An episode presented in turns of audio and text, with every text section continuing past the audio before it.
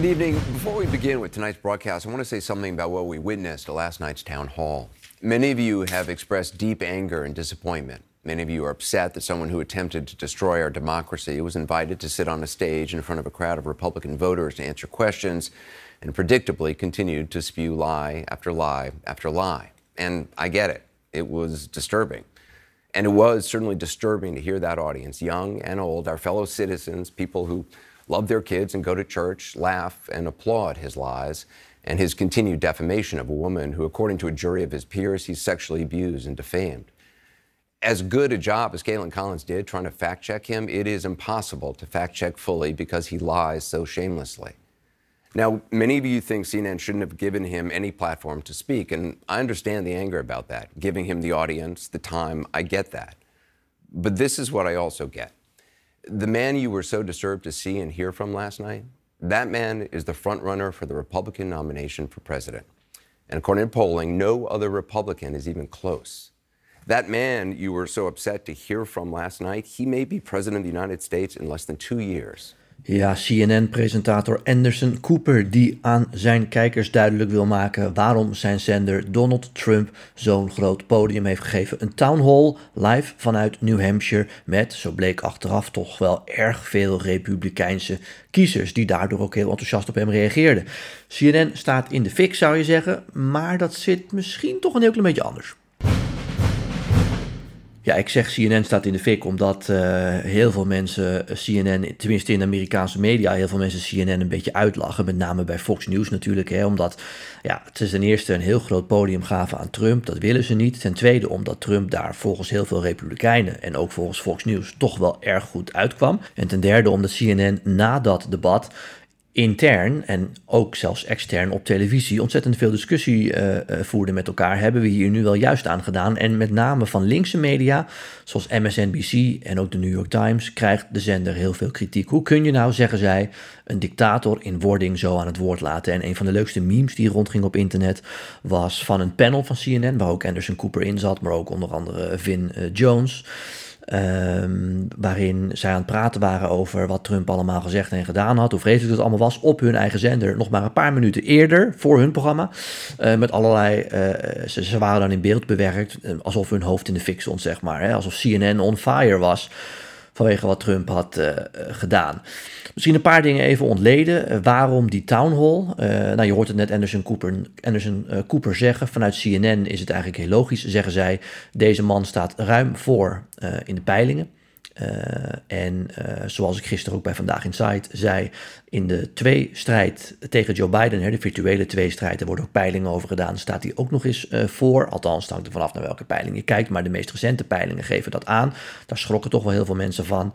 En ja, dan is zo'n man iemand die je ook gewoon stevig moet kunnen bevragen. En dan kun je wel zeggen, hè, dat zal CNN ook zeggen, van ja, hij liegt misschien heel veel, maar toch moeten we het proberen en verdient die man een podium. Een podium, nogmaals, waar hij ook stevig ondervraagd wordt.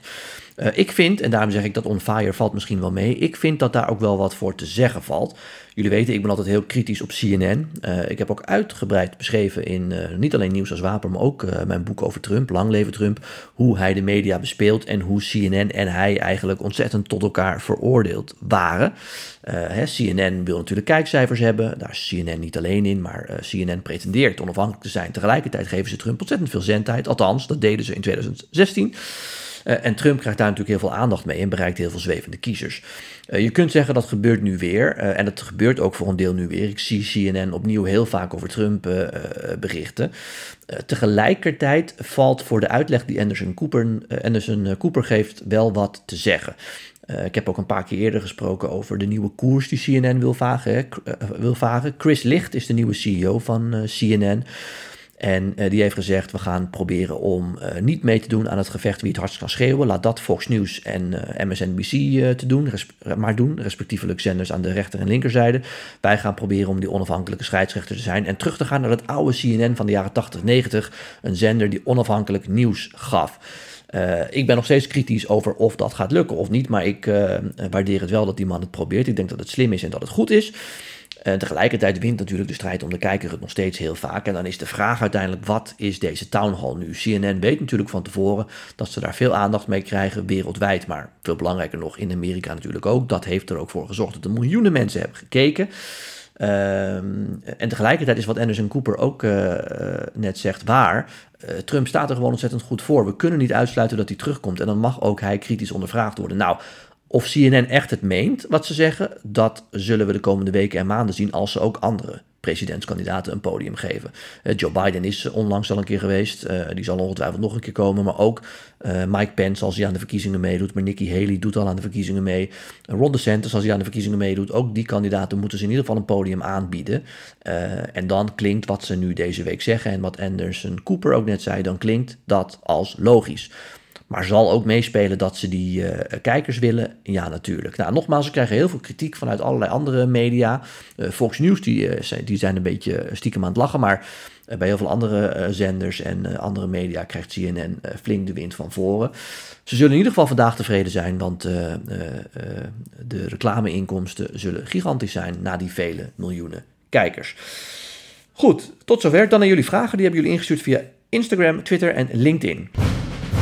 Ja, en veel van die vragen gaan ook over CNN en waarom dat interview daar plaats uh, vond, althans Town Hall.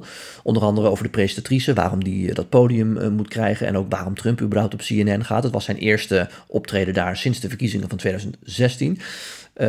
ik vat die allemaal even samen en zal die ook beantwoorden. Maar eerst eventjes een berichtje van dank. Jullie hebben allemaal echt honderden, misschien wel duizend berichtjes heb ik gehad via onder andere Instagram en Twitter over het overlijden van oma Miep. En daar wil ik jullie voor bedanken. Dat vind ik hartstikke lief dat jullie dat doen.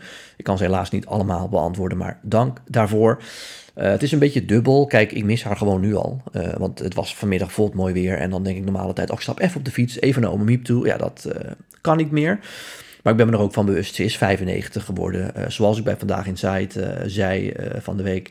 Uh, ze heeft nooit wat mankeerd. Uh, de dokter dacht altijd, hey, we zijn nu formulieren kwijt, want uh, we zien geen medicijnen staan. Toen zei ze, nee, die slik ik ook niet. en ja, afgelopen maandag voelde ze zich niet lekker en dinsdagavond was ze er niet meer.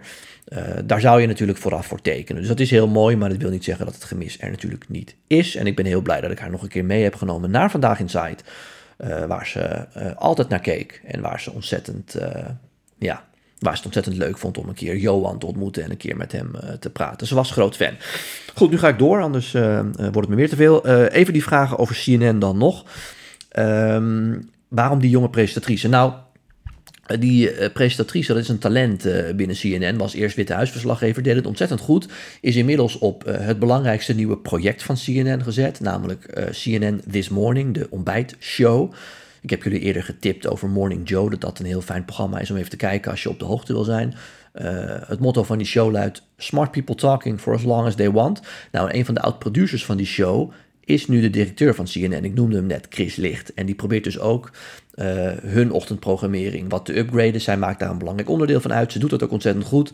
Uh, terecht ook dat zij dan zo'n podium krijgt om uh, haarzelf te bewijzen. En ik vond, dat zei ik ook van de week bij VI, dat zowel zij, hè, ik zei Trump is in vorm, maar zij was ook echt in vorm. Ehm, het leek daardoor wel soms een beetje op een debat. En dat moet niet, hè, want het, ik, ik, ik dacht juist van, laat mensen nou vragen stellen. Dat heb ik ook vaak als ik Twan Huis bij College Tour zie. Dan denk ik, ja leuk dat je iemand interviewt. Maar het was toch een College Tour dat mensen vragen konden stellen. Laat mensen vragen stellen. Maar tegelijkertijd wat zij deed is Trump wel uh, uh, live op televisie corrigeren. Als hij in haar ogen een leugen vertelde. En af en toe deed hij dat ook.